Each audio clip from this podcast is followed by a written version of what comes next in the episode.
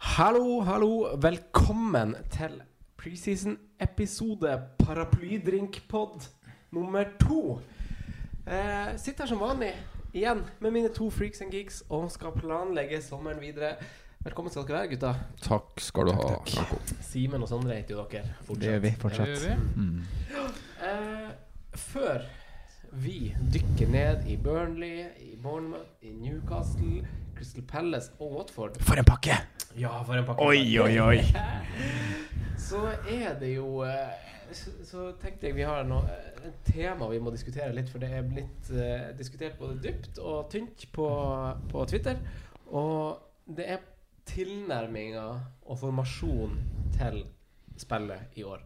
Eh, det er snakk om primært det defensive. Mange snakker om å styre unna den populære 3-4-3 og gå for flere bak. Eh, hva, tenker, hva tenker dere om det, Sondre? Nei, det er, jo, det er jo egentlig noe som har vært en snakkis de par siste sesongene. Eh, og det ligger jo i at det har det har vært stor verdi i spillere bakover på banen, og da spesielt etter det her Wingback-systemet kom, kom skikkelig i vinden. da Og hvor det er mye, mange lag som gikk over til å spille med tre bak og veldig offensive wingbacker. Eh, og da er det som vi har snakka om tidligere, at det er jo, det er jo ving, vingspillere som tilbyr clean shits. Uh, og i år har jo prisene igjen blitt snudd eller skrudd enda et uh, knepp opp. eh, hva det ble gjort fra i fjor igjen. Og nå er Forsvaret som er helt oppe på, oppe på syv, da. Som man da anser som, som viktig i laget for å lykkes også i år. Mm. Da, spesielt bekkene til Liverpool. Da.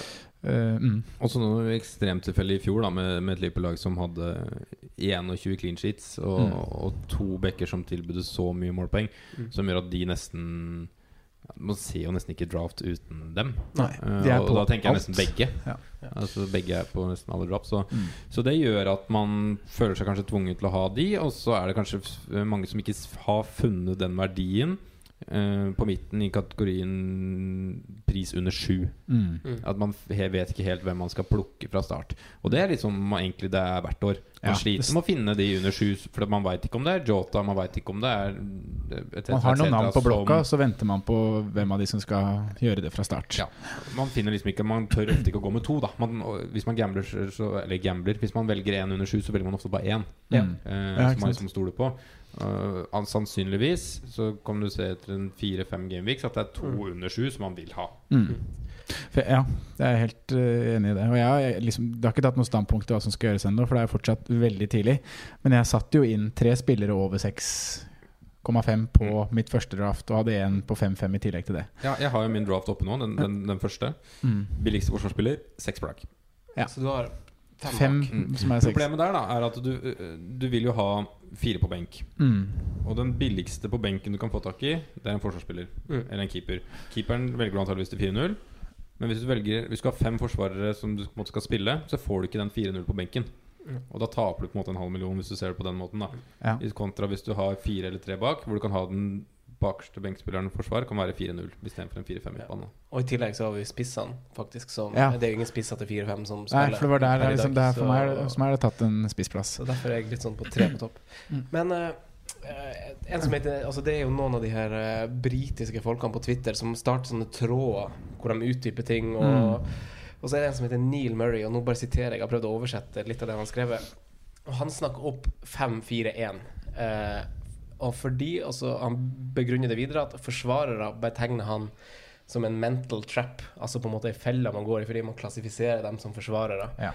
Eh, fordi fotball har forandra seg, skriver han videre, mens FPL har stått på stedet hvil. Eh, det vil si at i teori så spiller du 0-5-5 om du vil. Ja. Eh, altså Hvis du ser på Robertsen som et eksempel. Han hadde 21 clean sheet og 11 målpoeng. Hvis du ser på det i et annet perspektiv, så hadde han 32 returns. Og det er ganske masse mer enn noen andre spillere i prisklassen 7. Mm. Så, ja, ja, så som du finner på midtbanen. og, ja, og Trent det samme. Mm. Så man ser jo på en måte poenget med å spille Ja, for- Spille mange bak, fordi verdien er så stor, og de har flere potensielle oppsider, og de er jo så mye mer offensive enn hva hva de en gang var. Mm. Så man må ikke Ja, det er, Ja, jo med, med et eksempel med et lag som faktisk spiller med firebackslinje. Mm. Og så har Ja. du jo lag som spiller med fembackslinje hvor bekken egentlig er høyere. I Doherty, i, sånn som Newcastle spilte i går i fjor, med Matt Ritchie. Altså, sånne Sheffield typer- United. Ja, med sånne typer som. De er ikke backer, da. Altså, de er wing, Ja, du altså, kan er potensielt lag da, sette opp en forsvarsfirer eller forsvarsrekke på FPL Også- uten spillere som spiller forsvar. Og så kan du ha midtbane som spiller spiss. Du har Sala, Ja. du har Saha, Ayose Perez Mané. kanskje. Ja, som, som spiller mye mer offensivt enn en midtbanespiller gjør. Så, så fotball har på en måte forandra seg dit at Det er det som er poenget hans. At det, det har på en måte tatt så store steg, da. Mm. Så man må på en måte Jeg skulle nesten hatt en følge, mellom, eh, mellomposisjon i FPL, og så var wingback. Forsvar, wingback, midtbane, ja. Kantspiller. Ja, Ja. men det, det, er- det, jeg syns det er et godt poeng. Men jeg føler på en måte at vi, er, at vi kommer til samme sted vi var i fjor. Da. At alle prata om fire og fem defensiv i fjor også. Ja. Og det ender opp med at du står med tre. Ja. Fem tror jeg det er veldig få som kommer til å stå med. Ja. Jeg kommer ikke- 4-4-2 eh, kommer nok til å bli spilt. Ja, jeg kommer ikke til å stå med fem bak.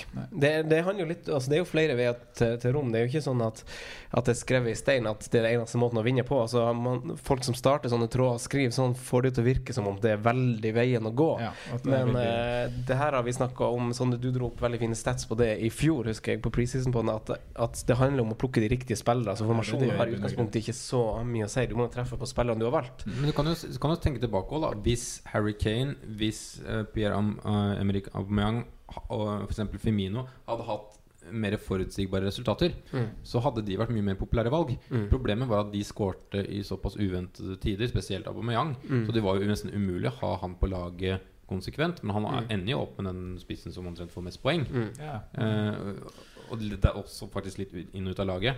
Han hadde jo vært på mye flere lag om han hadde vært fast starter Mm. og hatt, egentlig hatt de samme resultatene. Mm. For man blir litt sånn usikker.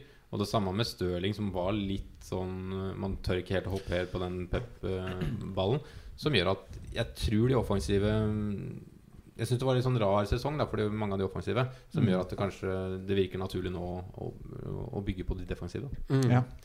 Men hva er da Eller Altså Vi har på en måte det, det økonomiske aspektet ved at et lag blir veldig ubalansert ved at du legger mye midler bak. Altså Du låser deg veldig fast. Det blir veldig vanskelig å flytte midler Mm. over fra mange spillere i prisklasse 7-6 til Om du f.eks. må ha Kane da når du ikke har starta med han, og så skal du oppgradere King. Det holder ikke å bare ta ut den ene forsvareren til sju. Da må du plutselig rokere ganske mye. Mm. Og du har bare 38 bytter i spillet, så du må jo på en måte være litt strategisk med hvordan du setter opp laget òg. Så det er jo skyggesider ved å spille fem bak. Annet enn det du og Simen, sier, at du får en ganske svak benk ved å ha fem bak.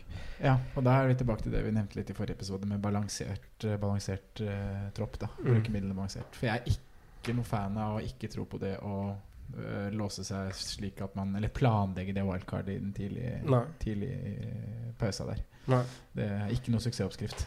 Nei. Kan godt hende wild, tidlig wildcard er det som er riktig å gjøre, men å legge opp til det ved å Mm. ha en død benk eller tre spisser på seks-fem, det Tidlig wildcard er ofte lurt, det. Men Ja. eh, det dumme er jo å, å planlegge at du skal ha wildcard Ja, i den og den det runden. det Det- det. Det pl- om, om det skjer naturlig, greit, men planlegge gjøre det? Nei, Mm. ikke. Ja, helt enig. Jeg tror du må tenke når du setter et lag, at at det skal stå en 6, 7, 8, 9 runder. Mm. Og så heller bruke det når det føles naturlig, eller når, du, når det brenner, eller når Mm. du må flytte midler, eller hva det må være. Mm. Men jeg er helt enig. Ikke planlegge at du skal bruke wildcard runde tre, for da jeg ser det litt sketsj ut, da. Uh, ja, uansett. Hvis du skulle kunne trengt wildcard runde ti, da.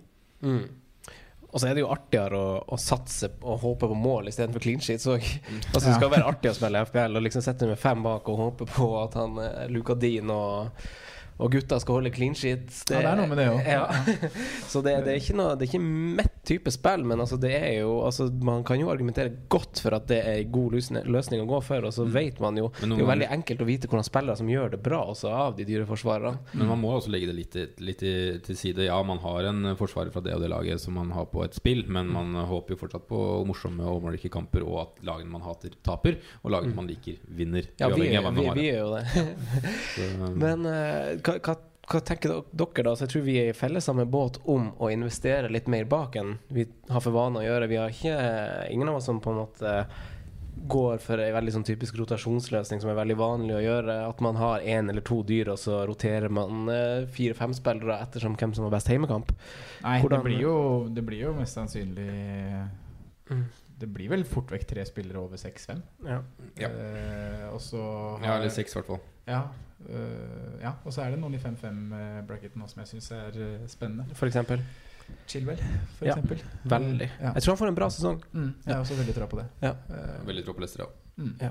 Men uh, Nei, fortsett. Nei, egentlig men, da, men da må man jo også Så er det det om man skal ha 1-4-5 Mm. eh, eller fire dyre og 1-4 blank. Da. Fire, det er 4,0 som spiller. Ja.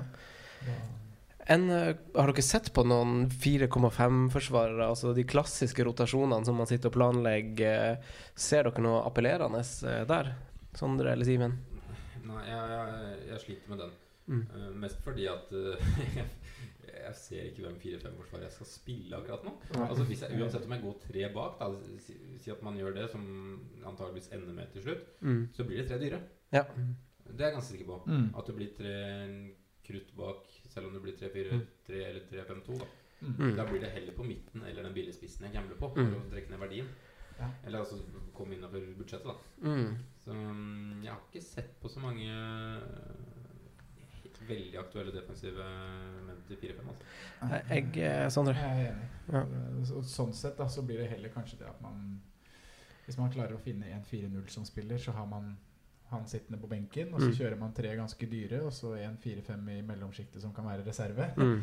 Eh, som da roterer fint med 4-0-en. da Mm. eh, Og så blir det kanskje mye 3-5-2, Mm. tenker jeg. S- jeg ser heller ingen appellerende etter min smak. Jeg har jo gjort det ganske dykk i, i oppsummeringsskriveriet mitt, og det er ingen appellerende rotasjoner ut ifra hvem som har gode defensive lag som passer bra. Altså, du, du kan få en treveis med Watford, Newcastle og Brighton som gir deg veldig Men da Fine er hjemmekamper. Brighton er kanskje keeperløsningen, da. Det er det som, eh, Ja. det er det som ødelegger litt på det. Så ser jeg noen snakke om Villa Burnley. De har grønne kamper om man rullerer, men det er jo ikke Altså, Villa har jo ikke noe sterk defensiv historikk, Nei, og de det gjør en ganske stor omveltning også bak. Nå blir det sikkert tre-fire nye fjes i bakre rekke der, men Og Watford, som du nevner, de skal vi snakke mer om Mm. etterpå. Men der er jo de, de spillerne du vil ha i forsvaret til Watford, det er prisa til fem. Ja. Det er jo vet jo ikke hvem som spiller bak der heller. Nei, ja, de, ja, de fire Ja, det er to. Det er, ja, det to som er to spiller, fem, ja. og de er til fem. Og resten er fire-fem, og da er det helt eh, Det er bingoen Ja. som tar plassen. Ja. Eller Catcart og Capacele er vel ja. Ja. ja, men man vet ikke. Nei, det er jeg husker jeg skulle velge en forsvarer fra Watford i vår, og det var helt clean umulig. Cathcart hadde jo spilt mest, så satte jeg innpå, og så satt Nei, jeg satte han ikke innpå, men han var i hvert fall benka i kampen etterpå, så Ja, helt sånn. Men, men når vi nå har nevnt eh, liksom det å finne 4-0 eh, 4-0-spiller, så er det jo Mm. en som, eh, som folk virker i hvert fall som har tro på at han spiller, og det er jo Kelly. Ja, han er jo mest Palace. populært. Ja, han er valgt av 25% så her veit jo folk åpenbart noe. Men eh, det, nå som Bisaka er solgt, så er, slåss vel han eh, om høyrebekken sammen med Joel Ward. Mm. Og så er det jo Sako som er litt skadeplaga og linkes jo også litt bort. Han har jo sagt selv at han At han vil spille høy, bedre på et bedre lag for å spille seg inn i noe Ja. Frankrike-stropp og sånn. Ja. Men Kelly er liksom den 4-0-mannen som jeg enn så lenge har inne, da. ja, jeg har, eh, jeg har i tillegg til han, så har jeg jo han Gibson Ja. i Burnley, basert på pålitelige kilder som har skrevet at han er aktuell for nyopprykka lag. Mm. Så det er han kikk, Ja, en å holde utkikk etter. Og så er det Winston Reed, da. Mm. i Westham, Ja. som var skada nesten hele fjor, men har jo tidligere vært kaptein i Westham. Og det forsvaret til Westham har jo ikke vært helt prima vare året som gikk, så det er jo på en måte en mulighet dersom han får en sterk preseason. Kanskje går han inn i laget. Så det ryktes jo også om at uh, Issa Diopo kanskje er på vei ut. Eller at det er i hvert fall klubber som er interesserte. Og hvis han går, og de ikke signerer noen, så vil jo Reed være ganske nærme en startplass. i Da har de Balbuena og Bonna og, og Reed, da. Ja, igjen, hvis de Mm. oppgår. Eh, så hvis vi snakker litt mer eh, budsjett, eller keeperplassen eh, For der har jeg eh, Da jeg sjekka den nettsida vi kikka på, så vi kunne sjekke hvor, hadde, hvor masse poeng vi hadde fått som analyserte sesongen vår, så snitta jeg på 4,3 poeng per kamp på keeper sesongen som gikk. Noe jeg tror egentlig er ganske masse. Eh, og jeg jeg gikk jo egentlig bevisst for det at å tenke at ingen spillere er set and forget, selv om på en måte at timing har veldig mye å si. Mm. Så jeg går veldig opp for å planlegge og bytte også keeper, selv om det er dem som skårer minst poeng. Mm. Så får man, går det på en måte opp et lys for meg når jeg er tre poeng unna å være topp 1000, at hvert poeng teller. Eh, når man skal telle opp i mai, da. Så det er sånn viktig å tenke på alle detaljene og aspektene av spillet, tenker jeg. Så jeg vet ikke hvor masse tanke dere vier til keeperposisjon. Nei, Um, ja.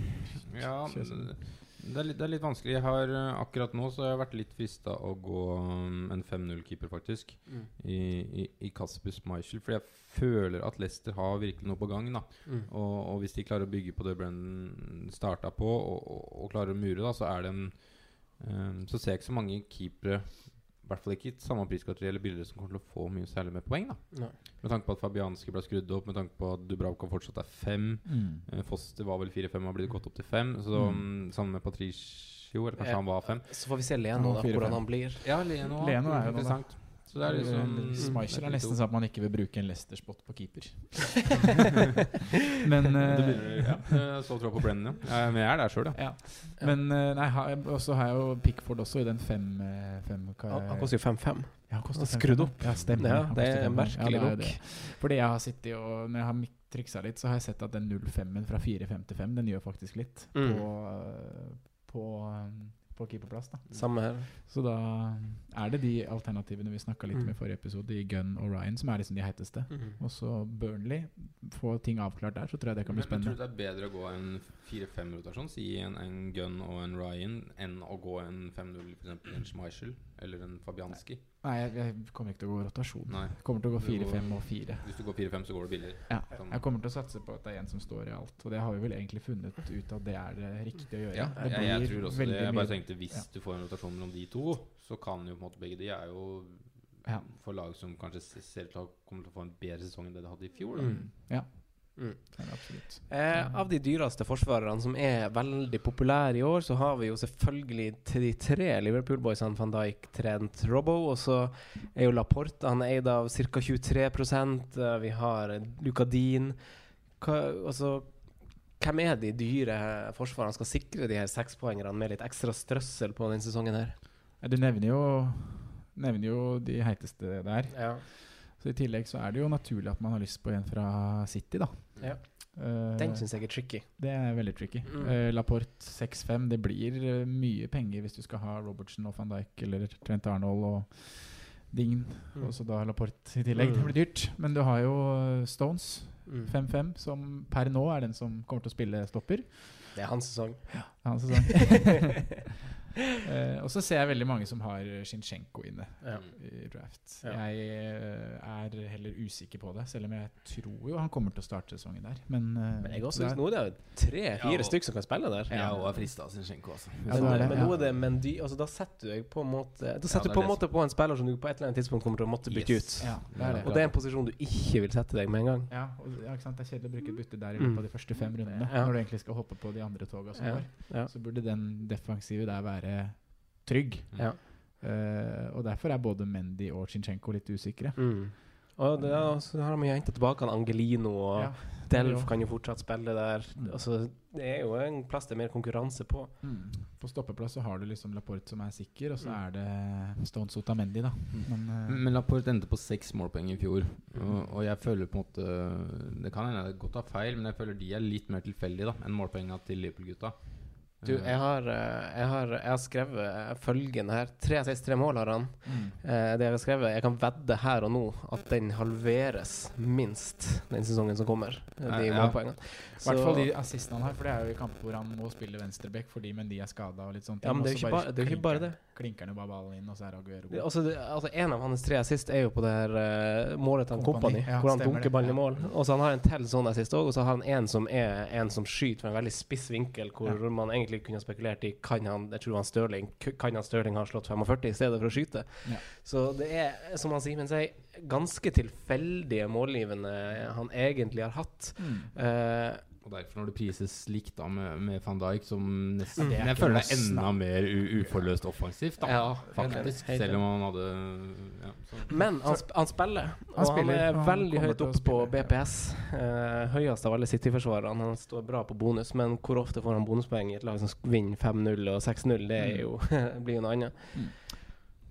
Så er det jo Kyle Walker også i City, da, men der linkes de jo veldig til uh, nye backer. Joar Tangelo. Ja, det snakka vi også om i Så- preseason på, men jeg har også notert Men han er jo den som ikke leverer så veldig mye målpoeng. da En scoring, en assist i fjor. Og Men jeg tror han underpresterte litt. Ja, Ja, Altså, det er det jeg føler. jeg Hvis de ikke er en høyrebekk, så, så fristes jeg av Kyle Walker. Det gjør Ja. jeg. Ja, da tror Ja, jeg det liksom nesten jeg kommer til å ha han inn. Altså. Jeg det er klink spilletid, og så er det billigere enn eh, Det er ikke så mange som har flere touch enn han i boks de siste seks kampene eh, i vår nå, så det er noe sånn uforløst ved at han er, han er i de riktige posisjonene. Det er liksom han og Dorothy og Dign og Coleman og, Mm. og de som er veldig masse i boks, og han er veldig aktiv der, så det er litt sånn Ja. uforløst. Ja. Men det er jo Vi nevnte jo Maguire så vidt i forrige, forrige episode. Og han linkes jo både til United og City. Mm. Og hvis han havner i City til 5-5, så er jo det Ja, ja, det er set på forget. Ja, det er klink. Altså. Er, er, er han 80 millioner pund god? Harry Maguire? Han er jo ikke Hvis, hvis United bruker 80 millioner eh, Altså Nei, jeg, jeg, synes- millioner, jeg, jeg, jeg, er- betaler jo for mye mer enn bare spilleren, da. Ja da, du gjør det. Ja, Betal, du betaler jo 35 av de er for at den er engelsk pass. Ja, ja. Og at den er ung. Ja, Uh, ja sikkert mer enn det. Ja. Men uh, jeg Han syns Herman Gara er god, jeg. Men jeg syns ikke han er millioner. 80 millioner pund god, nei. Men uh, ja, hvis eh, Men det er jo ikke kjøperens marked akkurat nå. Det, Det er ikke det. Alle prissettes så ekstremt høyt. Tottenham, da. Det er Ja. et topplag som ikke har en Alle ligger på 5-5. veldig ydmykt uh, prissatt. Men, Men det har vel noe med prestasjonen i innspurten. ja, og jeg ser også de har jo veldig begredelige tall eh, på innspurten, faktisk. Kanskje noe av Altså Ja, desidert dårligste av topp seks. Ja. eh, Inn mot mai. Ja. Fem mål mot siste seks der. Det er jo ikke så ille, men det er mange store sjanser mot å ta imot mange skudd i boks, faktisk. På, det er liksom på, det, det er liksom på Westham-nivå, antall skudd mot i boks. Ja. Så der, der ser jeg liksom ikke de- laga som jeg har sett liggende ute nå, det er ikke Tottenham blir ikke vurdert engang. Det blir ikke snakka om. Men jeg tror jo at når vi nærmer oss uh, seriestart med hjemmekamper mot Villa, Newcastle Palace, Southampton og Watford, mm. så tror jeg at Tottenham-spillere etter 5-5 kommer til å være mye mer aktuelle enn hva det er her nå 11. juli. Ja, men jeg er litt eller, så, alle Farrell har ikke skåret i ligaen på to sesonger. Um, Fertongen har- sleit litt en del med skader i fjor. Skåret ett mål. Han- Mm. Han har ikke skåret Det er det eneste målet han har på fire sesonger. Altså det er, du har, har du, ryktes bort. Venstreback Ja, ja, har Men. Davis, Davis har signert ny kontrakt. da. ja, men du har jo ikke bekker som er sikre. Du har Nei da, det er rotasjon her, og det har vi Så- alltid så snakka det er om. jo enten rotasjonsutsatte spillere eller forsvaret forsvarere som ikke tilbyr målpoeng. Og skal du da betale 5-5? Ja, for Loris Nei, om han heller da syns at Chilwell er mer spennende. Det er jo Ja, det Ja. De har jo ekstremt fine hjemmekamper, og historikken til Tottenham Sett bort ifra en veldig begredelig defensiv vår, så har Mm. vi jo vært et lag man har kunnet stole på i ganske stor grad under Mm. Pochettino, egentlig. mm. Ja. Kan jo sikkert spekulere i hvor mye Champions League eh, hadde var en uro, egentlig, da inn mot innspurten. At serie og Champions League, begge deler, ble litt for mye. Ja. Hodet var litt Mm. I den andre turneringa. Viktig aspekt. Men vi skal snakke mer om de her store lagene i en senere Prison-pod. Kan vi hoppe til å snakke om de her eh, supertøffe lagene vi skal snakke om i dag? Oh yeah! Burnley først.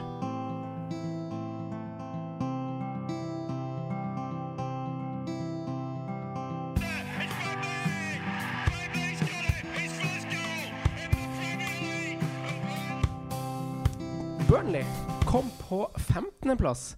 De makta ikke å følge opp uh, fjorårs uh, Europaliga-plasseringa si. De er per i dag treningsleir i Poznan før de skal hjem til de Det er jo veldig Oi, eksotisk oi, til Burnley å være. Ja, akkurat det. Men hold dere fast. Eller det, er ikke, det var ikke lenge. De skal jo spille treningskamper mot lower league-lag på, ja, på de britiske øyer, så klart. Tradisjon tro. Det var godt å høre. ja. Men jeg skal ta imot uh, Nis og Parma på, på tampen av preseason, så det, er- de fresher det opp litt. Ja, ja, ja. på Burnley Parma der. De har signert Erik Peters, eh, som vi kjenner fra CT i Stoke og Premier League. Han eh, gjorde jo en ganske god figur uh, i sin tid i Premier League. Double game week legend. Ja, kanskje det. Hadde den inne der. Eh, og så har de uh, Det blir gå inn som en direkte konkurrent til han Charlie Taylor, som jeg egentlig hadde håpa å finne plass til pga. formen han visste i vår, men pga. deres kampprogram skrudde litt av. Men han var en av Burnleys beste menn i vår. Eh, og så har de signert, ikke minst, en favoritt av oss, som jeg lurer på om Sander Omer lurte deg til å starte sesongen med sånn, sånn indirekte for et par år siden. Han J-Rod har returnert på toårskontrakt til klubben som spilt, han spilte i som uh, Baby-Rod. Stemmer det. Ja, Han var inne, han. Seks blank. på West Bromwich. ja. Nei, men det er jo en kul signering. Det er, jo- han signerer for barndomsklubben sin igjen. Uh, og var jo en spiller som tror jeg at han egentlig var kommer ganske til å kul å se passe på. fint inn. Ja, Arbeidsjern der som skal løpe og lage plass til Chris Wood. han har noe ekstra ved seg òg, ja. egentlig. Mm. jeg tar dere litt gjennom posisjonene her. For på keeperplass så er det litt sånn Ja, hvem står? Uh, Heaton er jo kaptein og var dødsviktig etter hans tilbakekomst fra skade. Samtidig ryktes han bort og har ikke skrevet under ny kontrakt, mens Pope har skrevet under ny kontrakt og redda jo mest av alle keepere i sin tid før skaden tok han. Ja. Så det man tror, er jo at så fremst, ja, så fremst heaten blir værende, så tror man jo han spiller. Mm. Uh, men uh, men uh, han får nok hardere konkurranse fra Pope i år, tror jeg, enn hva han fikk i fjor. Eh, Ja. På Den beste keeperen de har i troppen, da. Tenker du om han? Jeg skjønner ikke hvor det, hvor det her stammer fra, det Nei. her Joe Hart-kjærligheten. Jeg syns han er bra, ass. Simen, altså. Eh, Forsvaret så er jo stopperne De er jo, eh, de er jo skrudd opp et hakk. Så til fem blank både Tarkovskij og Mi, så det blir jo en nei takk. Ja. Charlie Og det gjør keeper Unnskyld at jeg avbryter, men det er det som gjør keeper mer aktuelt i Burnley. Og så er det jo keepere som redder litt òg. Ja. jeg liker som sagt han Charlie Taylor. eh, Matt Loughton også Mm. ganske kul, men det er sånn Passer kanskje i en rotasjon hvis du finner det. Så tror jeg, jeg tror det skal litt til for å ta Charlie Taylor sin plass, skal jeg være ærlig. Mm. Uh, på midtbanen så er det jo 99-modellen Dwight McNeil som spilte seg fast inn på laget etter jul. Han koster seks og var involvert i rett i underkant av 40% av skåringen mens han var på banen. Mm. Så han tok jo over en del av dødballene til Westfood og, og Gudmundsson når, uh, som, som var litt inne og ute av laget, han islandske karen der. Og han får jo målgivende da han da spiller for laget som skårer tredje mest, likt med Brighton, på dødball i Premier League. Så det er ikke noe, det er ikke noe godt gjemt hemmelighet at eh, Burnley liker å utnytte dødballene sine. Men de har jo én mainman. Og Simen, du elsker han. I løpet av de siste seks kampene i vår var han Chris Wood, som du ikke fikk på laget, Simen, etter, eh, selv om du ønska han. Han var Mm. involvert i 63% av Burnley sine skåringer de siste seks kampene. Starta selvfølgelig alle seks, og kun, har kun Vardi over seg i, i antall målinvolveringer. Han, Ashley Barnes er jo kul, men eh, det er jo Chris som gjelder inntil videre, Simen. Mm. Han, han er en veldig undervurdert avslutter, Ja. rett og slett. Han er, øh, jeg syns han er veldig bra. Um, det, det som gjør det vanskelig, er jo at han spiller på Burnley, da. Ja. Altså det gjør jo det vanskelig å legge plass til en 6-5-angriper når han spiller på Burnley. Men-. Ja, Så hadde han jo en del skadeproblemer i, i fjor, i starten av sesongen. Men øh, Nei, det var kanskje året før der, det. Så han var litt sånn Ja, men uansett. Litt skeptisk øh, med tanke på at jeg veit ikke helt hvor Burnley står. Jeg tipper de ender rundt 15.-plass. Mm, 14.-15. der de endte nå. Um, jeg tror ikke de kommer til å skåre voldsomt mye mål, og de kommer til å være ganske gjerrige, så. Han har litt sånn Trond Trefot-touch iblant, han eh, Wood. da. Ja, ja, ja. Nedtak. Han sitter ikke alltid sånn. Han er jo en storvokst mann og en kriger, uh, men han er faktisk en ganske undervurdert øh, avslutter. mm. Hva tenker du om Burnley, Sondre? Nei, jeg støtter mye av det som blir sagt her. At det er på en måte ikke et lag man uh, har lyst til å bruke så mye penger på offensivt, selv om det er uh, gode og attraktive eh, spillere der. Um, så det er jo mest defensivt jeg kikker når jeg ser til Burnley, og da keeperplassen som vi har snakka litt om, da. Og eventuelt en av de bekkene, hvis det skulle være en som uh, som får en fast plass der og er uh, nailed on i laget, så kan det være en del av en rotasjons, uh, rotasjonsløsning til 4-5 bakover. Jeg hadde håpa at uh, Gudmundsson, som hadde, en, hadde ikke en svak sesong i fjor, men han leverte litt dårligere enn han gjorde året før. Da. Jeg hadde håpa på at han kanskje kunne komme til 5-5. Uh, men når det er 6, så syns jeg per nå da at det blir litt for dyrt. Han var litt mye ute og inne av laget, Ja, han var sånn i fjor. Men Mm. uh, altså, får du han uh, Får du han som en så å si fast starter, så til seks blank skal du faktisk ikke se bort fra det. Altså. Mm. Nei, nei det er Mm, men kan, han- kan være. Men han må være fast for at du skal kunne vurdere det. Ja, og han må ta dødballene Ja. Tilbake. Mhm. Så er det noe med kampprogrammet. Jeg starter mot Southampton, som på papiret er jo grønt hjemme på Turf Moor Mm. Uh, men Southampton visste jo De er jo et av de lagene som faktisk gjør det Siden de gjør det så dårlig hjemme, så er det så balansert om de er bedre bortelag enn heimelag. Mm.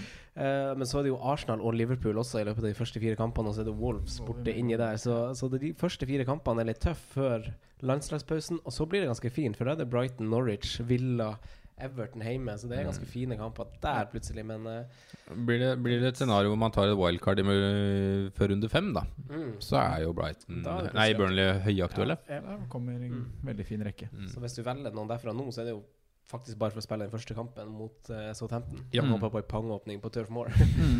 Ja. Keeper og er da liksom, Ja. håper på at det blir De redder jo masse. Slipper til mye skudd fra 20. Vi får sikkert en indikasjon i preseason hvem som spiller mot Fleetwood og Carlisle i pre- preseason Pre Ja. Men eh, det er kanskje ikke så mye mer å si om Fordelen til Burnley er jo at det er ikke så veldig mange av dems, uh, dems tropp som har vært med i ja, Gold Cup eller eh, Copa America i sommer. Da, så de kommer jo Fiskebein. Ja, får jo trent sammen hele preseason. Ja, det har de faktisk gjort. Eh, Man må ha noen sånne lag i Premier League som bare er altså, Det er en del av sjarmen. Er Altså. ikke britisk. Ja, så det, det er kjipt for topplagene å gå og møte de her lagene på bortebane. Det er jo en del av engelsk fotball. Det er så digg, synes jeg. Det er dritartig. Det er sjarmen, det, altså. Eh, skal vi eh, bevege oss sørover til sørkysten etter, eh, etter en liten pause? Ja, ny jingle. Mm.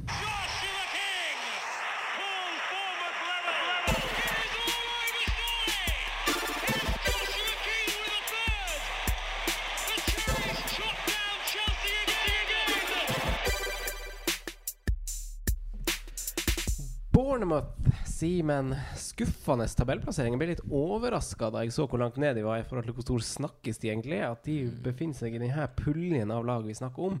Overraska meg litt. eh, Men kun Liverpool skåra mer mål enn Bournemouth de siste seks kampene. Likevel så så ser vi jo veldig mange drafts med både King eh, og Eller ikke og Wilson, men en av de to. Eh, Hva forventer vi av Eddie Howie og co. Simen? Vi forventer egentlig gale fotballkamper. Uh, for For det er det laget uh, må jo være det laget som omtrent er involvert i mest. Det er jo det laget Ser du bort fra topp seks som scorer mest mål. Mm. Um, nå tipper jeg det kommer til å bli endra etter uh, Brennans inntog i Leicester neste sesong. Men uh, de scorer vanvittig mye mål, og de slipper inn enda flere. Mm. Uh, Leicester- Leicester kommer topp seks. Ja, det skal vi snakke mer om, men det er jeg bom sikker på, jeg òg. Eh, Men det er et lag som skårer mye mål. da 56 mål i, i, i fjor. Halvannet i snitt. Og, og det er jo derfor også de offensive spillerne i Bournemouth har fått et lite prishopp. Mm. Uh, nå har vi da Frazier oppe på 7-5, og vi har Wilson oppe på 8. Mm. Som gjør det jo tricky, det. hvis man har lyst på gutta der. Men Wilson hadde jo en fantastisk sesong nå som var. Frazier nesten, uh, om ikke bedre. Mm. Så mm, jeg syns prissetninga eh, av Bournemouth er litt synd. Men um, jeg skjønner det for så vidt også. Men det gjør at det er ganske vanskelig å velge uh, hvilk, Eller velge spillet derfra i år. Mm. Eh, altså, det er jo litt usikkerhet også i det laget her, og keeperplassen kanskje spesielt. Vet man ikke hvem som står Der er vi igjen oppe på eh, et av de lagene som har tre keepere, som plutselig sto på våren og koster fire-fem. Uh, Tavares sto jo plutselig Nei, Travers. Tavares. Travers, Travers sto jo plutselig på tampen. Uh, bak så har de jo, Simen, som du sa før vi trykte rec, uh, slitt litt på backposisjoner. De har signert to fra lower league, litt sånn som de kanskje pleier å gjøre. Mm. Eh, og De finner jo aldri hva, ut av venstre. vet- Hva vet du om dem? eh, Stacey og eh, Og eh, hva heter han andre? Craig Stacey og Lloyd Kelly. Kelly. Ja. Ja, de, de finner jo aldri løsninger på venstreback-problemet sitt. Mings var jo et evig skademareritt i, i Bournemouth før han dro på lån til Villa og, og var ønska der.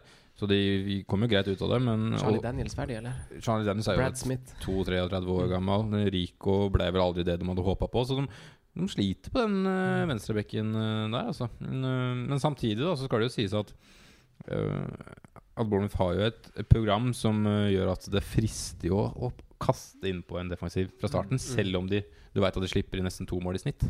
Men samtidig så er de er jo kanskje det laget som er lettest å forholde seg til. Altså sånn, de, gjør det bra mot dårlige lag og gjør det dritt mot gode lag. Ja, Det var litt sånn i fjor, men året før så var de litt oppe og nikka mot de store. Ja. Um, I hvert fall hjemme hadde ja. de mm, noen skarper. Ja. Men jeg synes det er, De gjør det bra mot uh, dårlige lag, men jeg syns de slipper inn mål mot de fleste lag òg. Ja. Det er liksom ikke noe Jeg så veldig akkurat det. Mm. nei, de slapp jo inn eh, 1,84 mål i snitt i fjor. Mm. Eh, Hjemme borte, men liksom totalt. Eh, totalt. Ja. Det eneste, de eneste lagene som slapp inn mer, var Huddersfield og Fulham. Ja, Mm. Så det er et lag hvor det mm, Hvor de må gjøre noe. Og jeg, jeg tror det faktisk handler først og fremst om keeperplassen. Men eh, enig. hvis eh, Men jeg tror ikke Begovic litt høy- gått ut på dato Men Du hvis kommer ikke til å gjøre noe der. Nei, jeg tviler litt sjøl, men eh, det er fortsatt tidlig. Ja. Mm. Men så er det den også mm, Hvis Ake nå skulle bli kjøpt av en annen klubb Det har vært litt skriverier om diverse eh, City. klubber. Og, og, og da eh, ser jeg ikke helt for meg hvordan de skal stable den defensiven sin. Nei. Da, da blir det litt mer Da blir han Chris Mepham og han Steve Cook, da. Mm. Eh, sånn framover så ser jeg jo at 25 eier Wilson per i dag. 20 20,7 på King. Eh, det er 1,5 i prisforskjell på de to. Ja. Eh, det er jo viktig å nevne at eh, altså de- De straffegreiene Jeg, jeg leste bare i bisetning på på VAR, det er jo masse spekulasjoner om at nå blir det mer straffer og så videre. Jeg ser at i de ligaene det har vært i i Europa i år, så, så har det ikke vært det. Det er ikke tilfellet. Det er én liga hvor det har vært litt flere straffer, men i tre av de andre så har det faktisk vært mindre straffer. Så det er jo tynn data basert på én sesong. Det kan jo være masse tilfeldigheter som slår inn der, men å belage seg på at VAR skal være, skal være løsninga mellom King og Wilson, er kanskje å ta litt i. Men uh, har du, nå, du satt og gjort klart noe her, Sondre? Nei, jeg bare fant det bildet du sikkert refererte til her, med Bundesliga, Serie A og La Liga. Så Ja. var det mindre straffer i Bundesliga og Serie A, så var det ganske mange flere straffer i La Liga. Men sånt er jo helt random, Ja. egentlig. Men jeg, det var jo også det første jeg la merke til uh, når jeg så på Bournemouth. Det er jo prisforskjellen som du snakker om her, i King og Wilson. Uh, og det er jo en grunn til at det er 1,5 millioner forskjell. Mm. Vi har jo, som vi har også sagt mye tidligere, at vi ser jo på Wilson som en mye bedre eh, avslutter, en som trenger færre sjanser eh, for å sette, sette mål. Men eh, i fjor så skåret han to mål flere enn King. Så har jo King straffene, som du nevner. Men sånn underliggende Litt flere kamper òg. ja, med underliggende stats så er de ganske jevne, altså. Det er to, som, to skudd i boks som skiller de totalt. Wilson har 62, King har 60. Eh, også jevnt på touch i boks. Eh, det eneste som Wilson knuser King på, det er egentlig store sjanser skapt. Mm. Ikke sjanser skapt, men store. Big chances Mm. Og som vi assist. Og det er jo ikke sant som du sier, assist. Han har jo langt flere assist enn hva King har. Han har jo blant annet eh, Fem av de er jo til Frazier, Mm. som vi om. den De hadde jo en fjor. sånn gyllen Utvil- periode, ikke sant? Ja, det var. Frazier til Wilson var syv, og Wilson til Frazier var fem. Så det var liksom tolv mål de hadde mellom seg. Ja, Så- Det er første mest og fjerde mest av Mm. alle kombinasjoner av det. Det er ganske sjukt at det er bare de to spillerne som er topp fem på begge veier. Mm. Men hvis King fortsatt skal skyte straffer, så er ikke den 1,5 millionen du betaler for Wilson verdt det, mener jeg. Nei, og så sitter jeg Det er mulig um, jeg tar feil, men jeg sitter på en måte litt med følelsen av at kanskje Wilson overpresterte litt i fjor. da At jeg tror ikke han kommer til å klare å matche de tallene han hadde i fjor. Um, litt på det at uh, nå er man kanskje litt mer forberedt på det også. At Ja. det er uh, han man skal, skal stoppe. Så um, jeg, jeg tror ikke Wilson til åtte blir verdt det. Nei, enig. Som sånn FPL-spiller så er man jo veldig glad i Nå skal jeg prøve å slå et slag for han, da. Så er man jo veldig glad i main men. Å ha den beste spilleren som gjør alt i laget. Mm. Og, og Wilson er jo veldig solid der. Han er jo på alle lister og, og er jo ekstremt involvert når han spiller. Nå gjenstår det å se hvis han Fraser, som er i siste kontraktsår, går. Så, så er det jo kanskje en no-brainer, for den linken der er jo utvilsomt eh, kjempesterk. Men han spilte jo 29 kamper i år. Han var involvert i 53% av skåringen til, eh, til dem da, da han spilte eh, over hele sesongen.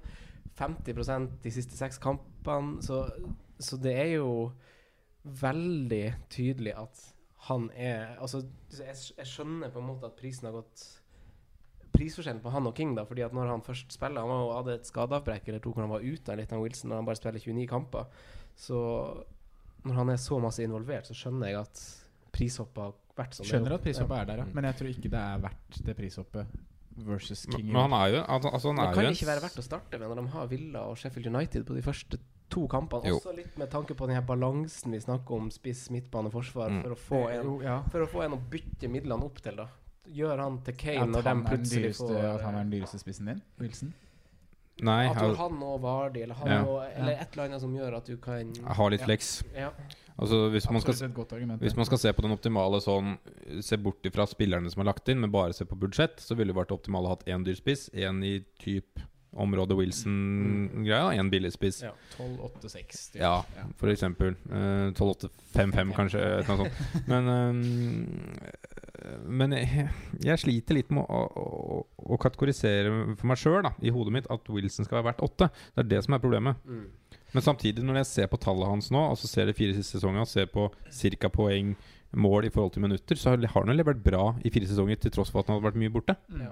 Og det er jo et vesentlig poeng òg. Skal man sette på en spiller som du på et eller annet tidspunkt vet kommer til å bli skada? Han Han, spiller ikke Det kommer til å 38 skje, kamper, han.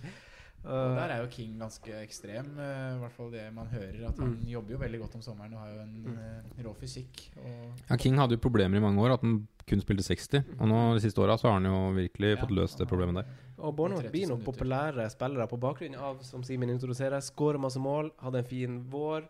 Eh, starter med to kamper mot nyopprykka lag, så da er jo Wilson og King plukka allerede ganske mye. Men så har vi jo midtbanen med Fraser, som skapte flest store sjanser sesongen som gikk nå, også de siste seks. Eh, avventer litt med å fornye kontrakten han som går ut neste sommer. Og så har vi jo David Brooks, som er skrudd opp til 6-5, eh, som, som en liten joker. Hva, hva tenkes om midtbanen? Snakkes dem for lite om? Er det Ja, veldig for- mye fokus på spissene? Frazier prates for lite om. Han tror jeg mm, Man hadde Jeg husker ikke hva han starta på i fjor. jeg. Fem, fem, seks Ja, Fem, 5-5 tror jeg fem. startet på. Eh, Så jeg tror det at når han har prisa nå til 7-5, at man undervurderer det litt. At man tenker at han er for dyr, men jeg tror kanskje han er verdt det. Mm. Um, jeg ja, tror han han levert de tallene i fjor til 7-5, så er det ja, bra. Jeg har mer tro på at han følger opp sesongen sin, da enn at Wilson følger opp sesongen sin, for å være helt uh, ærlig. Det virker jo som de trenger hverandre, da. Ja, Faktisk, må det jo er ganske noen, åpenbart, Så det vil jo være Det er jo åpenbart er sist vi snakker om. Så ja, Men sånn er det jo. Alle har jo spilt fotball sjøl og merker at det er noen spillere du spiller bedre med enn andre. Noen du forstår bedre. Um, og de har åpenbart en, eh, en god link, da. Mm. Veldig god. Uh, er det noe mer å si? Jeg, altså, jeg tror jo jeg kommer til å starte med en Bournemouth-spiller. Uh, og så er jeg jo Prisen til King er jo veldig appellerende. Og bare det at han tar straffa, selv om VAR ikke nødvendigvis har så masse å si, så er det jo en X-faktor å, å ha med seg når man setter opp et lag og har straffeskyttere. Mm. Men eh, altså Du diskuterer jo VAR, da, men det, det er jo ofte mm, Jeg vet ikke om, om hvordan man skal tolke det, da, men Bournemouth har jo et lag med ganske fotrappe og, og spillere som liker å utfordre. Og er jo ofte i situasjoner hvor de får mye straffer. Mm. Jeg husker jo Stanislas også hadde en periode hvor han skåret på straffer hele tida. Uh, og det kan jo være en fordel at, for dem at de får var, fordi at de, har, de er i såpass mange situasjoner. da I kontringssituasjoner, i én-mot-én-situasjoner, Ja. hvor de faktisk kan bli felt, og Mm. detaljer kan avgjøre. Ja. Høyaktuelt lag å følge med på, syns jeg. Eh, er Start, noe- starta med King i fjor. Og han er nærmest av Bournemouth-gutta. Ja. Ja, han er nærmest for meg akkurat nå. Spørsmålet er, altså, Jeg har prøvd med både han og Wilson. Mm. Og å gjøre noe fornuftig med 1,5 million Så det er akkurat litt for lite. Altså Du får oppgradert keeperen, men da føler jeg igjen at jeg får den skeive forsvarsfordelinga når jeg skal ha de dyre forsvarsspillerne som jeg har. Ja. Så jeg vil på en måte ikke forbedre defensivt. Å gjøre, å gjøre en billig midtbane som, så Nå har jeg jo en enabler i Norwood, som jeg garantert ikke kommer til å ha. Men å altså, gjøre han til en 6-5 Det er ingen sånn klink klare 6-5-midtbane heller, syns Jeg Du setter deg et dilemma da med, en, med, med King og en 6-5-forsvarer, eller Wilson og en uh, 5-0-forsvarer. Da tror jeg det kommer mye bedre ut av en, en King og en 5-5-forsvarer. Nei, en 6-5-forsvarer. Ja, Da handler det bare litt om hvordan du ønsker å bruke midlene. For jeg har ikke lyst til å bruke de 1,5 bak. For dem, den er på en måte nesten litt ja, sånn, ja. den bakre rekka. Så det er det som er litt utfordringa. Men eh, det blir en vurdering opp mot siste rødt. Er det mer å si om Bournemouth før vi hopper til, eh, til Newcastle? Tyneside. Gi meg jingle, da. Ja. I'm very keen to sell it to the right buyer, so you know ev- everybody's happy. That that would be good news. Hopeful for the Newcastle fans, for the club, for everybody that we, we I will be able to step aside and we will be able to get a, a, a, an owner in that will please everybody. And when will that be? When would I like it to be? I'd like it to be before the January transfer window. Ja, Newcastle, Simen. Er du like glad i gutta fra nord, selv om eh, Rafa stakk til Kina? Skal vi kjøre neste jingle? Bare hoppe over. Det, det, det, det kan jo ikke, du kan jo ikke si noe annet enn at det ser bekmørkt ut i, i Newcastle akkurat nå. Alle som hører på, må bare gå inn på fantasy-sida, gå og se på hvordan midtbanespillere de har der. Herregud, det er så Det er tullegjeng. Ja, det er Kan se eh, bedre ut når denne episoden slippes. da Forhåpentligvis Ja. gjør det det. Nå er 11. juli, og det er, eh, det er Hayden, Atsu, Chelby, Key ja, Almiron, Almiron. Ja, eh, Almiron, ja. Nei, men altså, mister Rafa nå uh, Ayasu. Perez går til, til Leicester for 30, og, og ryktene nå er at Steve Bruce skal ta over. Altså Jeg vet ikke hva jeg skulle gjort det hvis jeg var Newcastle-supporter akkurat nå. Nei, det ser, eh, jeg er farlig redd for at de rykker ned i år, altså. Ja, se på spissene de Det har er òg. det som er helt Det er helt, eh, helt krise, faktisk. Ja, Hva i all verden skal jeg finne på? Hvis Steve Bruce kommer inn her så dørgende kjedelig. Det var jo Ayasu Perez og, og Rondon som, som dro det angrepet i, Mm. i, i fjor. Og Almiron hadde et par gode matcher med en gang han kom, Ja. og så slukna han eh, litt. Uh, men eh, det ser jo Det er jo ingen Jeg ser ikke for meg Jeg, skjønner ikke hvordan de skal spille med den Per nå så er det jo ganske masse som hviler på en Almiron, tenker jeg. Mm. Egentlig. uh, det, altså, han, Ayose Perez han leverer jo hver vår. Han har gjort det to år på rad, noe helt ekstremt. Uh, og så ser det ut som Rafa kanskje tar med seg han Rondon til Kina på, etter låneoppholdet er avslutta. Så det er jo Det ser skummelt ut. Ja. Hoselu og Muto på topp. Ja, det Ja, skal fôres av eh, Hayden, Shelby og Key. Men- Atsu skal løpe opp og ned. Men så er det jo han eh, Matt Ritchie, da, Mm. som er først i alt, eh, til 5-5. Ja. Det er jo altfor dyrt, men, eh, men er det altså Det er det at han er først kanskje- i alt, da, som Ja. gjør det, som du sier. Og at det er jo sikkert ikke noen som kommer til å være mer out of position enn han. Potensielt. Nei. Altså Han kommer ikke til å spille Han står jo som forsvarer. Han kommer ikke til å spille back under en ny manager. Han kommer jo sikkert til å spille på kant eller spille en ja. ja. Nei, når, når spillet ble lansert, og de ikke hadde hørt så mye om at uh, de trodde måtte Rafa skulle bli, så Mm. tenkte jo Richie 5-5 han skal på laget. Ja, Men Litt eh, tøft kampprogram. nå veit jeg ikke, altså. Han tar straffa, da. Forsvarsspiller som tar straffa og spiller OMS, kanskje. Mm. Ja da, det er jo selvfølgelig Men nå er det bare Nei, jeg kommer nok til å spille ja, ja, Det er vanskelig å si, da nå er det ny manager. Hadde det blitt Rafa, så hadde han spilt wingback-ish, tror jeg. Men Og så har eh, de så tøff start òg. Ja. Veldig Men potensielt, da, hvis det her skal vise seg å gå greit for Newcastle, at de klarer å stable et OK lag på, øh, på beina og strammer inn og blir et sånt hjemmelag som holder nullen og sånt, så kan det potensielt ligge noen 4-5-forsvarere her som kan være rotasjonsspillere. Eh, Lascelles skrudd hakket ned fra i fjor, skadeplaga, men en god spiller når han først er der. Mm. Eh, ja, Jedlin, er han langtidsskada, eller? Jeg ser hvis man eh, legger inn en sånn rotasjon med Brighton og, og Watford, men det er jo riktignok en three-way rotation. Ja. Med Lacelle i tillegg, så har du veldig fine hjemmekamper de seks første kampene. Ja, Mm. men du skal Ja. Det Nei, er du skal- for det er for tidlig. Ja, ja, ja, ja, ja. Det, det er. er ikke noe for en Franco.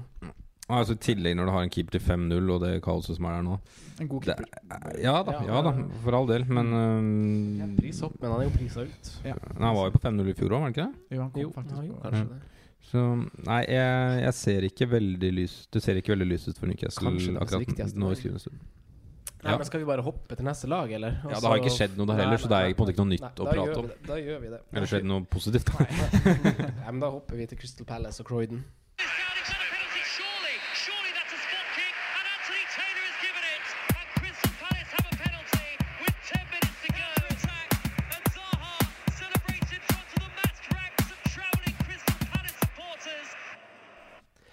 Crystal Palace. Eh, Sondre, kun fire tap på de siste 15 kamper vitner om en sterk vår.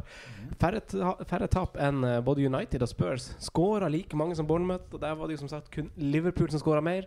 Eh, men de er jo populære på overgangsmarkedet, spesielt eh, spillere som ønskes. Eh, fint kampprogram enn så lenge, og, og ser mer eh, en mer innlysende mainman noen, enn noen andre lag, Sondre, hvis du forsto meg riktig nå. De har en mer Ja, innlysende menn. ja. Ja. Enn så lenge har de det. Ja. Enn så lenge har de det. Ja. Uh, Tanker om Pelles, da? Nei, jeg, jeg vet egentlig ikke helt hva jeg skal forvente av de i år. De hadde en veldig god innspurt, som du, som du sier. Og da var det jo flere, flere spillere som var aktuelle på, på fancy-laget. Man hadde både Slupp inne, man hadde Sa inne. Det var eh, Bisken var jo med store deler. Og han var jo Batshuayi, ja, han var også der. Og det var jo det som var med Palace i fjor, at de ga jo De hadde jo kanskje en av de viktigste brikkene i, i det å stable et uh, forsvar i fjor, med Bisakka til 4-0. Um, og da viser det seg kanskje at de også har det i år, da med Kelly. Mm. Uh, at det, kan ligge noe gull der sånn sett. Ikke at han skal spilles, men at det går opp sånn budsjettmessig at det er en spiller som spiller hvis du trenger det. Um, men ja, det å miste Bisakka en god spiller, da. Det vil jo ha litt å si. Eh, det er litt sånn usikkerhet defensivt der med, med Sako-situasjonen, som han sier selv at han ønsker å spille i en eh, bedre klubb for å kunne spille seg inn til mesterskap i 2020. Eh, det er vel litt sånn skade eh, Skadeplager på han godeste Tomkins. Tomkins der også. Mm. Så de er jo prisa også til fem, begge Mm. de to. Og så har du van Anholt, som alltid er en fancy snakkis til 5-5. Det du ser i, kommer til å se i Palace antageligvis er vel at Koyaté kommer til å spille stopper i starten av sesongen. Ja. eh, sammen med, med Dan. Scotty. Uh, og jeg er ikke så sikker på om Kelly får plass i det forsvaret der. Jeg tror Ward er like nærme. Ja. Ja, han, Kelly, han Kelly har jo primært spilt stopper når Ja. han har spilt for Pelles. Det har vært han Ward som har spilt på backen. Ja, KJT spiller jo stopper for eksempel nå i Afrikamesterskapet foran Salif Sané, så han må jo være Må ha noe i ganske, ja, ja, ja, han har ganske mye bra i seg. Og så har du en, en midtbane som er ikke så ille, med Milo, Milojevic i den dype. Og så kan så, Midtbanen er ganske bra. den, Hvis du ser ja, på så tipper jeg Meyer får mer spilletid Ja. I år, så da Så, ja, det, det er helt greit, og de beholder mye av den stammen sentralt. da Men det er, eh, det er hva som skjer med Sa som avgjør mye. Ja, det, altså det, det transfergreia deres høres jo verre ut enn hva det er. Å selge han fant, Jo, jo, jo. for 50 millioner er jo, er jo gull. For Ja, ja, det, det er gull. ikke noe tap Nei, nei, nei, nei, i nei, noen nei, stor nei. Må bare forvalte det de får inn Ja, godt, da. ja. Det er noe med det. Men problemet, ja, problemet er at det er så, akkurat nå så er det så dyre priser overalt. Ja. Så jeg vet liksom ikke hva de får. Men hvis de klarer å grave ut noe som de andre gjør da i, i Belgia, i Nederland, altså Ja, finne må- noe de gull der og finne noe uh, Det lykkes ikke så fælt når de henta disse Nederland-gutta med, med Det er en type de som da. Når de henta han, det var Ja. et kjempe, en kjempesignering. Det var vel på free transfer òg, kanskje. Men uh, hvis du tar uh, litt lagdel for lagdel Vi snakka litt forsvar nå. Eh, bakerst så er jo Guita er skrudd opp 0,5 og koster 5. En av de som hadde flest redninger på tampen av sesongen. Ja, han, det var jo litt sånn eh, ut og inn i starten der, at de Ja. rullerte litt. Men eh, han står jo i Palace. Mm. Eh, men kneppet for dyrt for min smak Ja. eh, til å spille på et sånt lag. Det er, eh, hvis vi tar det, da, det er jo defensivt man kanskje først og fremst ser. Og som jeg nevnte i forrige episode, så i fjor slapp de inn 23 mål eh, på 19 kamper, altså hjemmebane. For det er der du ofte har lyst til å spille de. Mm. Eh, 30% av de baklengsmåla var dødballer. Som jeg Mm. også, det synes jeg var litt overraskende. Det er liksom ikke det man tenker Palace. tenker man solid dødballag, Mm. men 30% av de var på dødballer. Eh, Men mange av de det var syv clean sheets, da, og de kom jo mot svakere motstand. Det kunne man liksom se en ganske grei et mønster i. da At det Mm. var Huddersfield det var Cardiff. Det var de lagene der hvor de holdt. Men Palace var ganske dårlig på hjemmebane i fjor. De, Ja, de de, sleit, eh, de sleit der og var jo egentlig et veldig godt bortelag. Mm. Eh, men det er jeg, jeg føler at det ljuger litt, da. For å være helt ærlig Jeg tror ikke det kommer til å altså, sånn det, det var i fjor. Da. Jeg tror det kommer til å komme høyere på hjemmetabellen og lavere på bortetabellen. Eh, og kanskje ja, og Plasseringa totalt sett tror jeg vil være ganske lik. Ja. Mm. Men det, det er fortsatt tidlig å si, da, med tanke på Jeg tror Wilfred Saha er mye mer verdt for Palace da enn han kommer til å være I Arsenal, f.eks. i Arsenal i en annen klubb. Ja, det er helt enig med deg. Og derfor er også, tror jeg også at prisen er så hinsides, men det skjønner jeg på en måte hvorfor Palace priser den høyt. Men da Ja. tror jeg også de kommer til å skremme vekk de som eventuelt vil kjøpe den. Men FBL-prisen er ikke innsides. Den syns jeg er veldig, er veldig fin. Og det at han også blir flytta tilbake på midtbanen. Mm. Det, Han er jo mer aktuell i Pelles enn i altså, altså han er aktuell hvis han er i Arsenal eller i Pelles. Han er aktuell uansett. jeg syns han er aktuell begge steder. Jeg, Ja. han er, men- jeg er enig med deg, jeg er mest mer aktuell i Palace. Ja, på en måte er han det, men samtidig er det sånn som du var inne på i forrige episode, Simen. Altså, spillet kom så tidlig at alle overgangene på en måte ikke gått gjennom. Hvis han er, går til Arsenal, så blir han en veldig populær spiller å ha på alle FPL-lag, tror jeg. Uh, hvis han blir i Pelles, så er han jo en mainman, mens han i Arsenal konkurrerer med poengene med Lacassette og Aubameyang. Uh, det, han kommer jo ikke til å få like mange målpoeng. spille hvis han går til Arsenal. Altså, han kommer til å spille fast. Ja, ja, ja, ja. Så Så, så, det det er er på en jo- måte en bra å ha han uansett, tenker jeg. Involvert i 50% av målene til Pelles, så får vi se om de får uh, ja, få, få, like mange straffer, holdt jeg på å si, nå når VAR har kommet. Ja, det blir vel ikke mindre. Og da må man jo nevne Ja, man kan ikke gå Milli til sju, altså. Nei, man kan ikke det. Men vi kan ikke la være å ikke snakke om den som vi har sa, gjort. hvert sa, år. sa, sa det samme i fjor. Han har, to, han har 22 mål da, på de to siste sesongene. Ja, og det er altså 20 av de er straffer, og så er det to frispark. Ja, har han ikke i åpent spill i det hele tatt? Mm. Har han ikke i åpent spill i det hele tatt? Skåret mål? Jeg, jeg vet Jo, ikke. Jo, jeg ett, tror han har jeg. ett eller to. Ja. Eller langskudds. Uh. Eh, expected goals bruker jo, brukes jo aktivt av noen. Eh, kanskje noen bruker det på enkeltspillere, eh, Mm. men vinneren av eh, FBL i fjor, som gjorde det veldig suverent, han var opptatt av å bruke det på lag som et verktøy. Mm. Og jeg har kikka litt på de ni lagene som skårte minst sesongen som gikk nå. Det var i sammenheng med at jeg prøvde å lage finne gode forsvarere. Så sj- sjekke hvordan lag som skårte minst. Uh, og av de ni lagene, jeg vet ikke hvorfor det har valgt ni, men så stemmer expected goals ganske godt overens med, med hvor lite de skårer. Eh, og Pelles er et av de lagene hvor det avviker ganske masse i negativ grad. Altså at de har skåret mer enn det var forventa at de skulle skåre. Oh ja, på mange lag, ja. Så på, på, sånn som Wolverhampton, f.eks., forventa å skåre mer. De hadde flere store sjanser som de ikke skårte på, enn det Pelles hadde. Pelles hadde hadde hatt god uttelling, Eh, og det avviker bare med tre, uh, tre mål. Men det er ganske masse sett ut ifra hvor konkret den Ja, det, ja, det, var. det er ganske interessant når de er ganske langt ned, egentlig, på, på antall skåra mål. De har skåret ø, 50 mål. Altså, det er greit, det, men det er jo ikke hinsides. Nei. Når det det i tillegg er var at det de overpresterer. da. 47 eller noe sånt. 46 kom et eller annet. Så det var ganske lavt. Og det var, det var et par andre lag som også var litt sånn der uh, Har fått godt betalt. Jeg tror kanskje Brighton var et av de også. Så det er jo eh, nesten litt sånn uro, urovekkende. Så kanskje et tegn på at de mangler en spillertype. En boksåpner-type spiller som De har han Saha greit, men den der eh, playmaker-type Ja, jo, de savner den. Ja, Mm.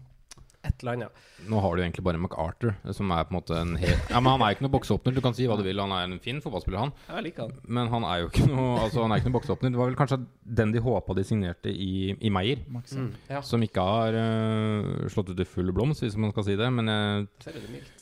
Tror han har en framtid som kan være ganske god, ja. Mm. Ja, det var litt sånn sjokksignering når den eh, ble lansert. Ja, høy lønn. Ja. Ekstremt. For Ja. han var jo ettertrakta. Ja. Men 5-5 nå Han spilte vel ikke så masse. Det var vel masse innbytter. Og Kanskje, hvis det men Nei. Hva tenker vi om spissplassen, da? Ben Teckers 6-0. Eh, Sørloth tilbake, ikke lansert i spillet ennå, vel. Og så er det jo Wickham da som er tilbake og fit for preseason og til 4-5. Som Ja, skjer det ikke noe overgang Og så Ja. Kommer det ingen overganger på topp, altså noen spisser til Palace, så blir jo Wickham på laget. Ja. Som den, den Da 4-5-spissen. har du sånn, en som sannsynligvis kom, kan spille litt. Mm. Eh, Jeg ser ikke noen 4-5-spisser som kommer ha større sannsynlighet for å spille da. Er Men riktig, ja. blir det Townsend sin sesong, gutta? Ja. Det må jo nesten det. Han hadde jo en god sesong i fjor, da, i forhold til å, å være Townsend-sesong. Seks mål, fem assist. Ja, men skal vi, bare, skal vi bare konkludere litt, Pelle? Altså, de har jo egentlig ganske fin start. Første fire kampene. Everton hjemme, Sheffield United, så har de United, og så har de Aston Villa. Det er ganske, altså Tre av fire kamper. Her er, her er jo et av de lagene som man, det, Når vi skriver 9. august, eller når du ser starten her, som det kan ha skjedd mest Ja. endringer. Mm. Ja. Eh, hvis da Saha går, og du får en eh, Jeg vet ikke hva prisen er der på nå, ja. 50 pluss millioner pund. Ja. Det er penger å bruke. Så har du altså. hun, godt over 100 å bruke, og Ja. si at du får en 20-25 på Sako hvis han går. Mm. Da har du mye handlingsrom i, i Croydon, altså. Mm. Men per nå er det Ja, jeg er helt enig. Per nå så ses det på i mine øyne er det det laget hvor man kan kikke til for å finne billige spillere å ha ytterst på benk, både i forsvar og spiss. Ja, så vet blir, du hva vi blir får Saha værende, så er han høyaktuell uansett uansett hos meg, egentlig. Ja. Fordi Ja, han eh, ja. Uh, vi går til, eh, til eh, Suburbs London og snakker litt om Watford straks, vi. Yes.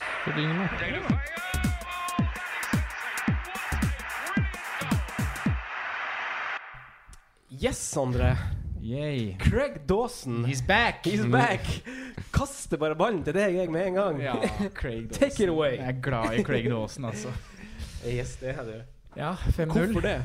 Nei, hvorfor det? Ja. Han er jo Han har jo virkelig satt sine spor, han i laget mitt. Ja. Han har vel vært med alle sesonger han har vært i Premier League, så har han vært en del av forsvars, uh, forsvarsfemmeren der. Mm. 4-5 har han jo kosta, da. Ja. Nå koster han jo 5. Men han uh, det er jo en spiller som har Vi skal snakke litt om den med en gang. Da, så er det jo spiller som har skyhøyt potensial på offensive dødballer. Mm. Han er jo en skikkelig eh, maskin i boksen. Eh, tre skåringer og to assist for West Bromwich i fjor. Mm. Eh, og jeg husker jo det godt, for jeg så jo mye på highlights når han spilte i Premier League, og han var jo underbetalt mm, hver kamp, nesten, når han spilte i West Bromwich. Han hadde jo- Så det var liksom alltid De bare la de høye polerne inn på rundt uh, 60 meter, og så sto han og Macaulay der. Havna alltid i duellen sammen. Ja, Og så hadde jo han Han hadde jo vanvittige tall også i, i, i lower leagues før han var i, sånt, i vet. West Bromwich. Ja, Ja.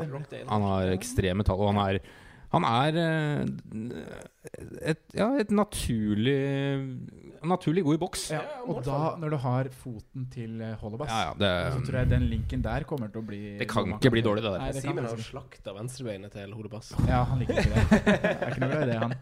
ja, men altså I hvert fall av venstrebeinet. Jeg ser ikke hvem som har bedre serve enn en Hollebass i Premier League. Sheridan. kan jo ikke slå dødballer. Angelino. Første stolpe. Nei, men det, det der, eh, og det er ikke bare, det er ikke bare cornere. Det er, altså, det er jo de, de korridorfrisparka. Ja, ja, ja, ja. Begge, fra begge sider. Det, Kommer til å snakke mye om den linken i år. ja, Men du har- det Men er de 05 for dyre, da? Det Det er, jeg frykter det, Ja. men eh, det frister å nesten ha begge. Men det frister i hvert fall å ha, å ha um, dåsen, altså.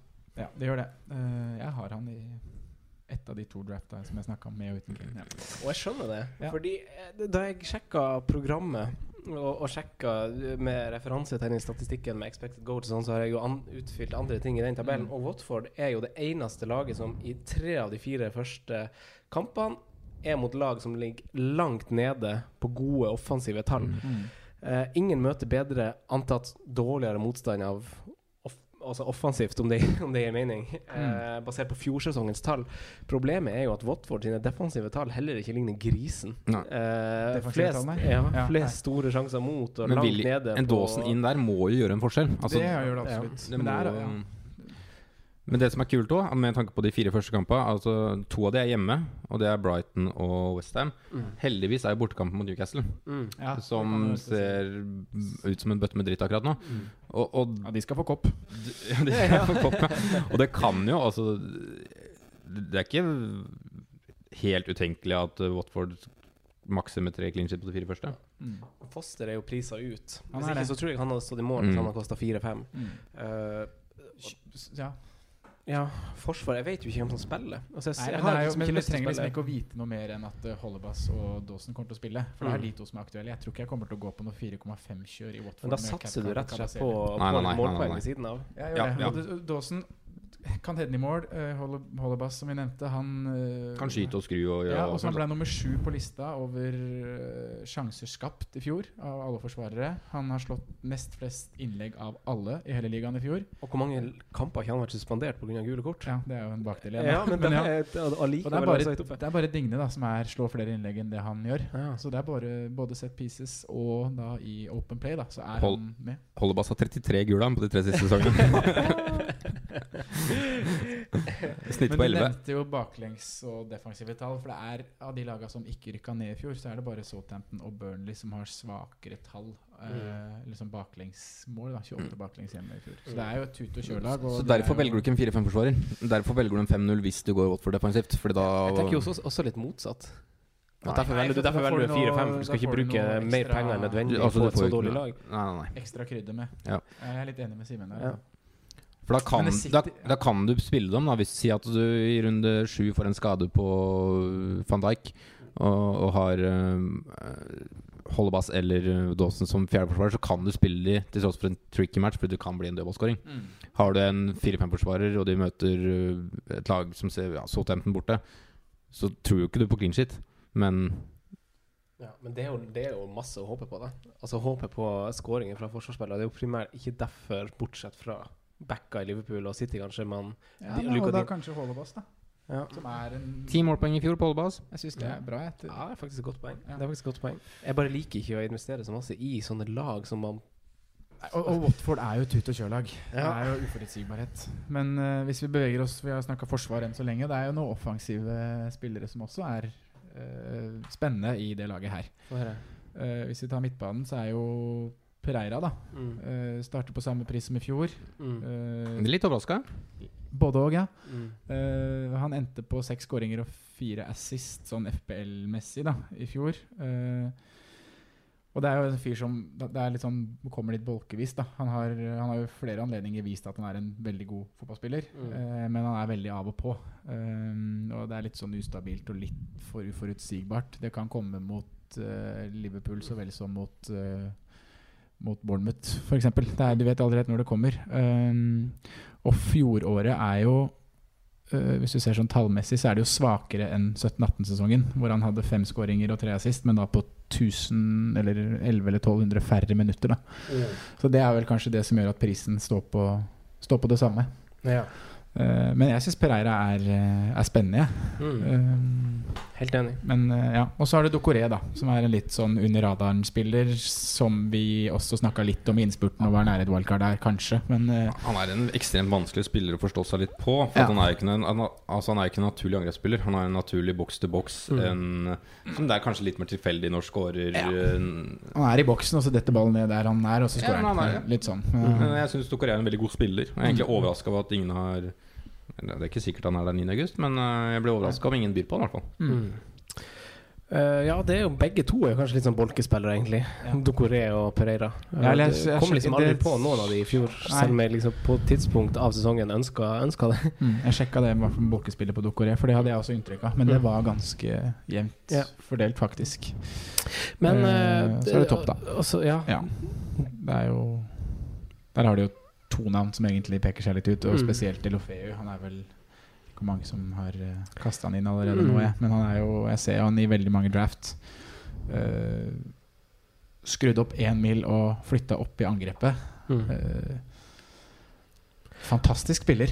Veldig god. Ti skåringer og fem assist. Men det at han er skrudd opp en mil, og det at han spiller angrep, det gjør for meg at han er mindre aktuell. Gjør det det? Ja, For jeg er litt mer at han Jeg, jeg syns plutselig han er mer aktuell, jeg. Og du syns det, ja? Ja, for Ja. jeg, altså, jeg syns eh, Jeg syns det er mange mange, men det er en håndfull kule spisser til 6-5, og jeg syns han er en av dem. Ja. Med tanke på hans involvering i eh, Watford, hvor aktiv han er på en måte når det først skåres mål, og at han kanskje tar noen frispark når han uh, Bass er ute en av fire kamper. Ja, men også en spiller som med Gray og Dini der byttes litt ut av og til. Ja. litt sånn humørspiller som det Han kom jo veldig. eh, rundt den uh, FA Cup-semifinalen, og den perioden her var han Ja. veldig god. Ja. Eh, og så er det jo Det er én ulempe med å bli flytta opp som midtbane. det At du ikke får det ene clean-poenget i ny og ne. Eh, I Watford, ja, i fjor i hvert fall, kanskje ikke i år, så har kanskje ikke det så mye å si. Mm. Det ene poenget der. Nei. Fordelen er at du er mer Eller det er lettere for deg å få bonuspoeng hvis du skårer mål. Mm. Det er Skåring har er jo verdt litt mindre, da. Ja, scoring er, ja, det er det jo. Ett Ja, poeng mindre. poeng der, mindre. Så det er sånn litt gi og ta, men det var jo Femino som han så litt på, som fikk mye mer poeng når han ble flyttet opp som spiss Ja. når, Mm. den første, Ja, det er det med bonus. Som første sesongen Ja. han har spiss.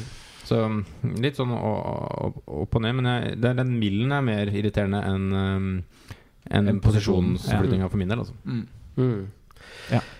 Hadde Ja. altså, hadde det vært 5-5-6, så tror jeg han hadde vært ganske klink uansett. Det er jo kampprogrammet til Watford da, som er så fint. Og Mm. man syns jo på et tidspunkt av sesongen i fjor at Watford var veldig god. Ja. Eh, De rakna jo fryktelig på tampen med tre eh, litt sånn stygge tap eh, på rad. Men eh, altså, de hadde jo et toppnivå i fjor som gjorde at de var veldig populære og veldig sånn gjengangere i podkastene våre på et tidspunkt. Mm. Så eh, man skal ikke lukke døra for Watford med det. Altså, de har jo kanskje de første fin, fineste kampene i starten. I hvert fall frem til landslagspausen. Og så kommer City, City, nei, Arsenal City, Wolverhampton Mm. på de tre etter der, og det er ikke lett. Sånn som vi prata om i forrige podd så skal jo uh, Brighton endre spillestil. Og de, det er første gang de skal gjøre det i en tellende kamp, er mot Watford. Ikke gjort over natta, det. På, på bortbane, Molyneux, eller hva Ja. Nei, det er, eh, ja, Vicarage, er det. Wol- Wolverhampton. Eh, men det kan jo være en test for Bright, Brighton. Å skulle spille ut Watford der. Og da kan du fort få kontringsrom for en, uh, som vi nevnte, Gerard Delefeu. Mm. Absolutt. Eh, er det noe mer dere vil snakke om Watford før vi tar en liten sånn oppsummering som vi gjorde også i forrige episode? Nei, det, er, det har jo heller ikke skjedd så mye på overgangsfronten der. Og, og, Da velger vi en er jo keeper, for- da velger vi en keeperforsvar. Og ja, Så det er ikke noe mer å nevne. Det var ikke meningen å avbryte, det var litt dårlig gjort. Jeg, tro, jeg, trodde, jeg trodde du skulle begynne å snakke om det jeg skulle snakke om, men så snakka du fortsatt om Watford. Sorry. Eh, men skal vi oppsummere, da? Keeperplass. Vel en keeper fra et av de lagene vi akkurat har snakka om. Sondre?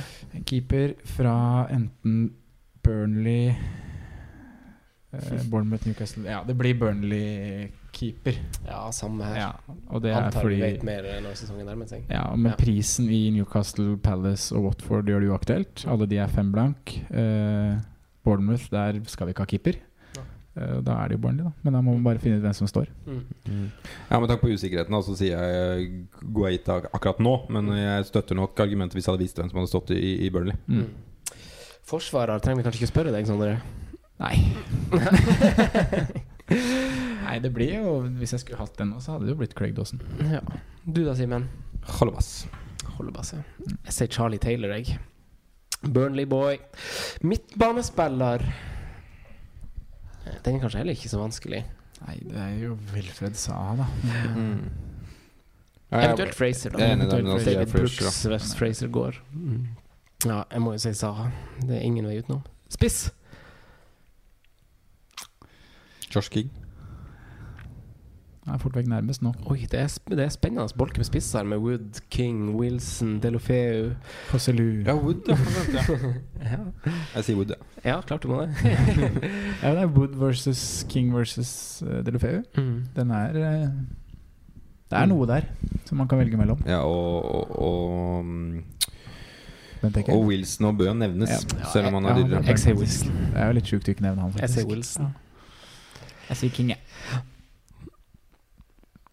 Jeg sa, jeg sa, ja, du sa, du sa mm, Wood. Wood, Du på den. Ja. På Wood. Men eh, da, da er det jo egentlig bare gjenstår å takke. Neste gang skal vi snakke om Westham, Leicester, Everton, Wolves og United, faktisk. Yeah, yeah, yeah. Eh, Og da skal vi også snakke litt om struktur i laget osv. Så, videre. så vi ses da. Også Inntil videre, så fikk jeg et spørsmål Eller vi fikk et spørsmål på, på Instagram om, Mm. eh, om eh, nybegynnertips. Og Ja. da anbefaler jeg den podden dere lagde ganske tidlig i fjor. Ja. FBL ABC.